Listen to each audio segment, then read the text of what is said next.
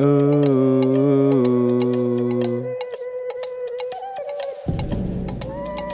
The White Coffee anjing bukan ini. The White Lotus.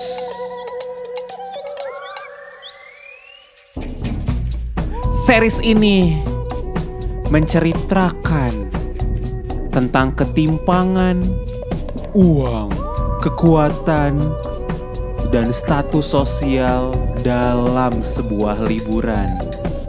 Liburan yang ketika dibawa pulang tuh bukan Batagor Kingsley, bukan Pai Susu, bukan Bolen Kartikasari, melainkan 5 kemenangan di Emmy Awards. Selain itu juga series ini mempunyai intro yang membuat Anda ingin bercinta layaknya seekor kera. Uh, uh, uh, ah, ah, ah. Selamat datang di podcast hidangan pembuka. Selamat hari Senin, gue Put dan semoga Senin lu baik-baik saja, men. Semisalnya tadi Senin lo berjalan dengan ngehe gitu kan. Ingat aja, seenggaknya pas umur 5 bulan lo tuh nggak diajak naik jet ski. Buat dikontenin sama emak lo anjing. Emang gokil tuh youtuber yang satu itu. Tapi hari ini gue nggak ingin ngomongin tentang youtuber itu. Gue ingin ngebahas tentang series yang intronya tadi di awal lo udah denger ya dari HBO namanya White Lotus. Dan gue di titik ini agak kaget sih. Aduh anjing ada tukang cuanki lagi. Gue agak kaget sih sebenarnya uh, kenapa gue selama 17 episode ini belum ngebahas series dari HBO. Uh, karena satu hal yang mungkin lo perlu tahu tentang gue adalah gue itu sesuka itu sama series-series HBO bahkan dulu tuh skripsi gue tuh objek bahasannya adalah serial yang dibikin sama HBO. Tapi gue nggak bakal ngomongin tentang itu juga sih. gue ingin memulai episode ini dengan oke, okay, ada apa sih dengan HBO sebenarnya? Kenapa sih lo suka banget put gitu? Kalau di mata gue uh, eh, HBO tuh konsisten banget bikin series series bagus Meskipun ada beberapa yang fail kayak season terakhirnya Game of Thrones yang Allah Akbar itu dosa terbesar umat manusia kali ya. Tapi ya si HBO tuh kalau dibandingin sama Netflix menurut gue cukup kontras lah ya kualitasnya gitu. Dan ternyata konsisten bikin series-series yang berkualitas tuh emang dilakukan secara sadar sama direksi-direksinya. Dulu tuh programming bosnya HBA pernah bilang kalau oke okay, yang membedakan kami sebagai HBO dan Netflix itu adalah Netflix itu ada di volume business. Sedangkan HBO ada di curation business gitu. Yang mana ketika ngelihat data di tahun 2018 make sense sekali si bapak ini omongannya gitu karena Netflix di tahun 2018 tuh ngerilis 700 tayangan lebih. Banyak banget kan itu berapa jam coba yang bisa dihabiskan dengan lo langganan Netflix. Sedangkan HBO pada tahun yang sama dia ngerilis cuma 15 doang tayangan di 2018. Oke, okay, uh, mungkin dari subscriber money yang lo bayarkan ya lo nggak bisa ngabisin banyak waktu sih di HBO tapi fokus ke output yang lebih sedikit bikin HBO lebih berani buat ngegelontorin uang lebih banyak. Dan itu mungkin ngebikin HBO juga lebih banyak nyikat award dibandingin Netflix. Contohnya The White Lotus ini um, dan dah that's the brand the brand differentiation I think money gitu. Ini ada salah satu jurnalis asal IndieWire ya, namanya Ben Travers. Dia bilang Kalau Netflix itu ngedesain sebuah series berdasarkan algoritma. Jadi mereka tuh udah tahu apa yang lo tonton sebelumnya gitu ya, apa yang lo suka, apa yang lo nggak suka, dan bikin mereka si Netflix ini tuh bikin sebuah series tuh berdasarkan kecenderungan yang lo punya gitu. Dan ini sebenarnya UX design yang keren sih. Uh, dan kalau dibandingkan dengan HBO gitu ya, si series-series HBO ini tuh lebih terasa seperti dibuat untuk memaksa penontonnya keluar dari comfort zone para penonton gitu. Yang mana gue setuju banget kalau ngelihat si HBO gitu ya. Seri-serisnya yang sekarang dan juga yang puluhan tahun lalu gitu. Contohnya series The Sopranos dan The Wire gitu ya yang sama-sama tentang mobster bedanya Sopranos tuh tentang mobster keturunan Italia sedangkan The Wire tuh uh, mobster orang Amerika keturunan Afrika gitu ya. Itu apa dua entry point yang bikin gue jatuh cinta sama HBO gitu ya. Sama, itu kan itu rilisnya kayak 90-an akhir sampai 2000 2000-an awal gitu ya. Sampai di 2000 berapa? 19 20 gitu. Ada The White Lotus season 1 gitu yang menurut gue kualitasnya wow gila banget gitu. Ya jadi kalau HBO mau sponsorin podcast ini boleh banget. Wink wink Netflix juga kalau mau nge-sponsorin boleh banget di sini ya karena saya tidak membandingkan mana yang superior dan mana yang tidak gitu ya. Semua punya value-nya masing-masing. Hashtag nyari sponsorship. Oke okay, uh, eh, sampai mana gue tadi? Oke, okay, uh, eh, ngomongin tentang uang yang digelontorin gitu ya.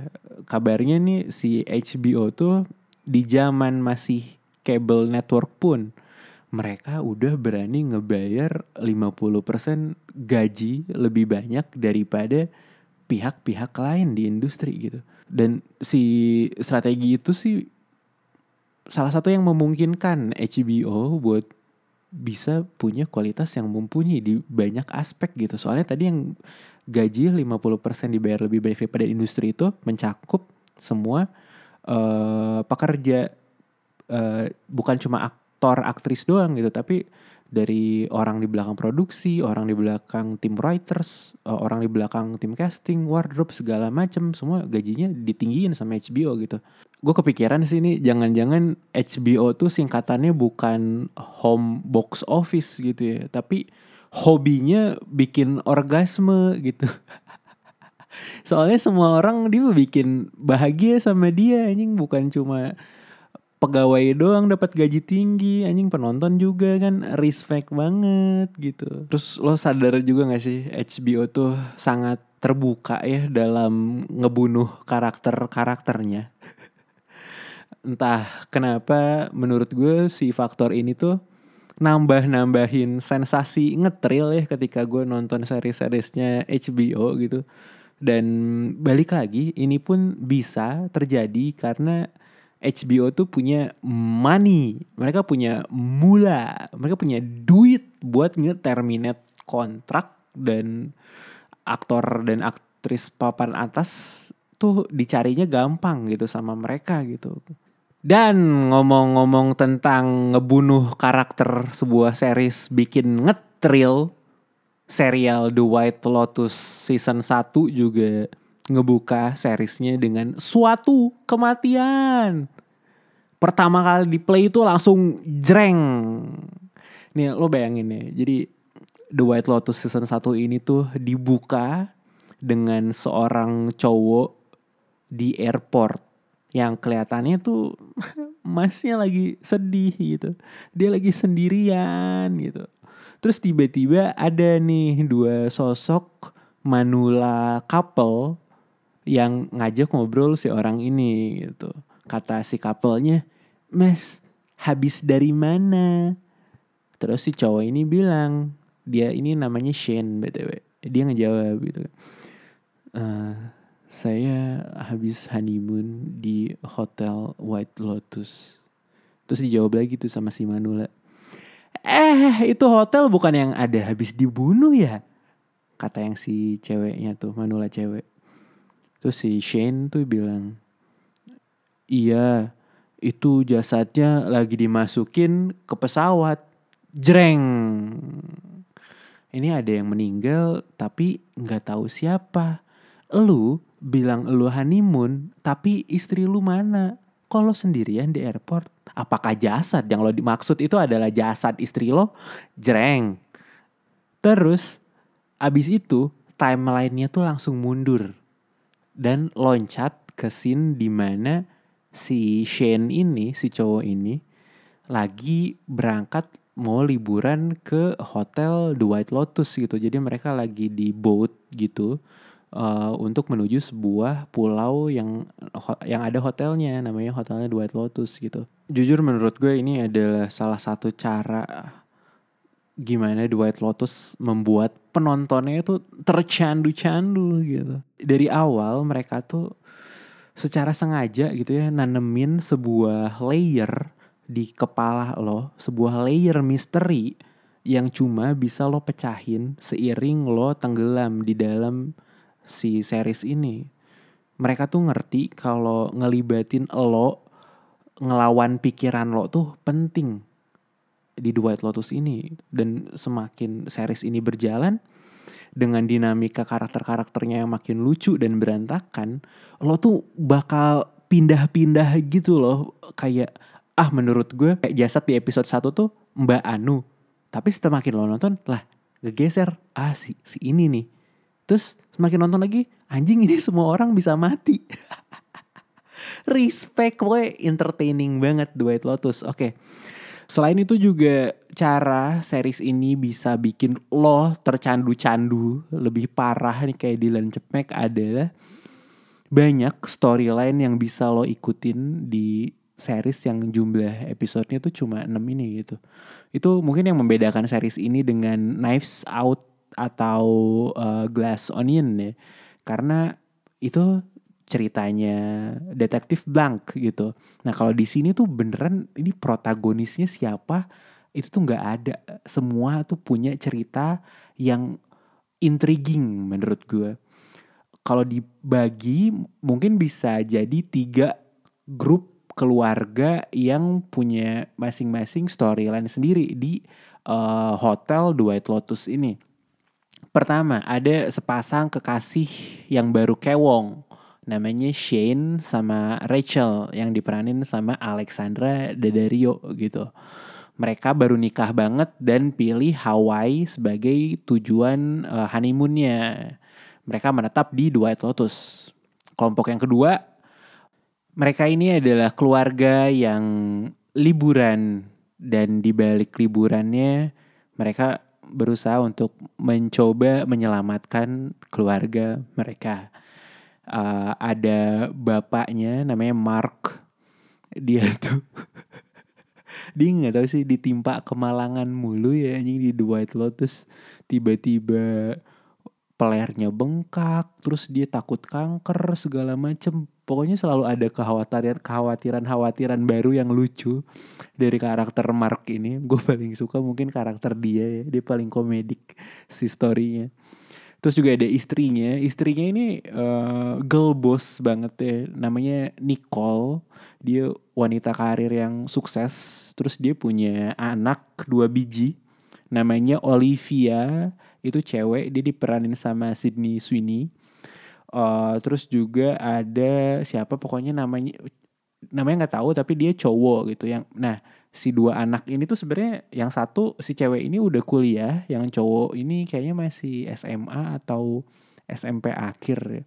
Si anak cewek ini si Olivia ini bawa temennya, bawa bestinya namanya Paula gitu. Jadi eh, kelompok yang kedua itu uh, keluarga plus satu orang temannya gitu. Nah, yang menarik dari keluarga ini tuh adalah kan tadi gue bilang ya si anak ceweknya ini kuliah gitu dan dia bawa satu orang temennya bestinya yang uh, per, kayaknya sih pergi ke jurusan yang sama ya nah uh, mereka ini si kedua orang ini uh, Paula dan uh, Olivia dan Paula mereka ditampilkan sebagai the epitome of progresif Twitter gitu. The epitome of woke Twitter yang sering lo lihat mungkin di Twitter orang-orang woke gitu.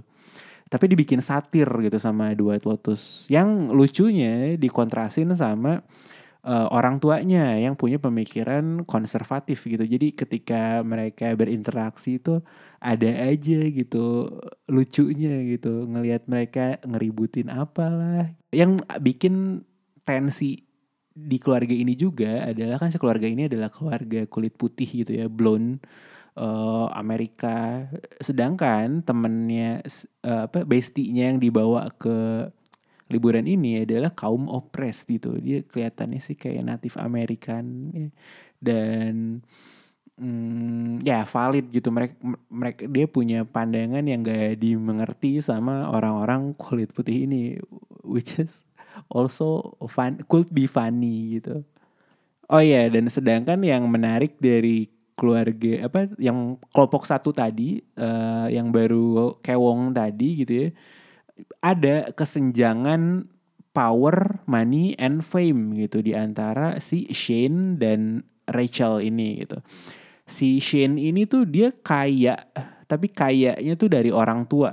Dia seumur hidup kayaknya nggak pernah kerja buat ngedapetin dia yang mau gitu ya. Dia lahir dengan silver spoon. Tapi dia mengawini seseorang yang bertolak belakang abis gitu. Yang harus hustling every day biar ada di titik sekarang gitu.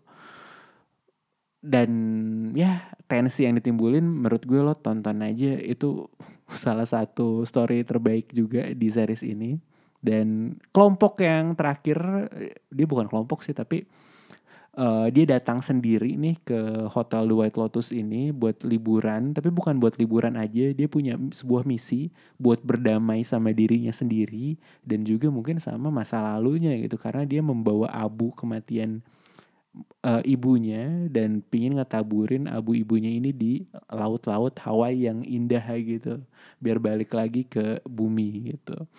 Dan si yang menarik dari yang ketiga ini namanya kan tanya gitu. Dia ini dia paruh baya gitu ya 50-an lebih uh, emotionally unstable bisa dibilang gitu. Tapi banyak kelucuan yang timbul dari dari dari dia gitu dari kelakuan kelakuan dia.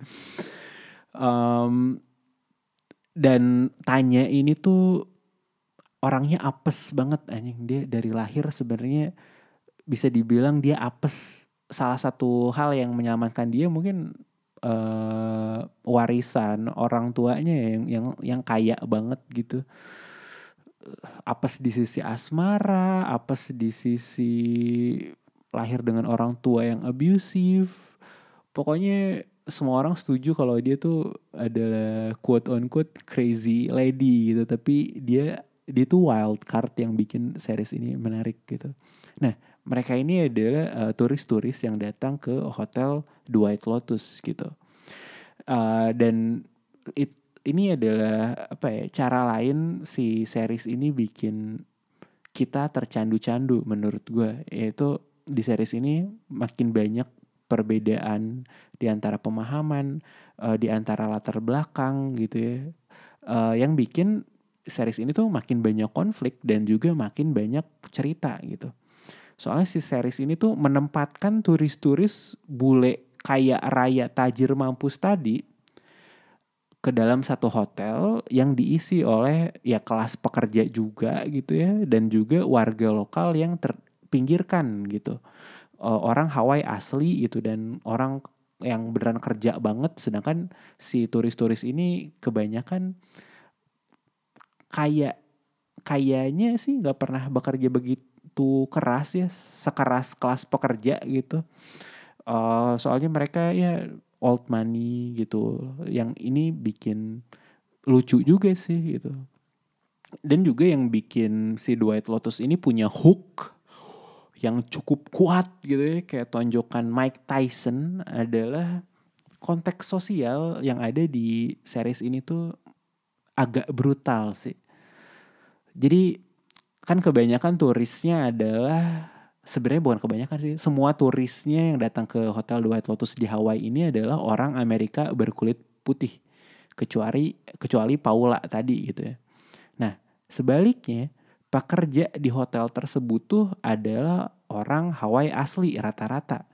Yang secara ironis, dulu kan Amerika tuh pernah melakukan aneksasi ya ke Hawaii.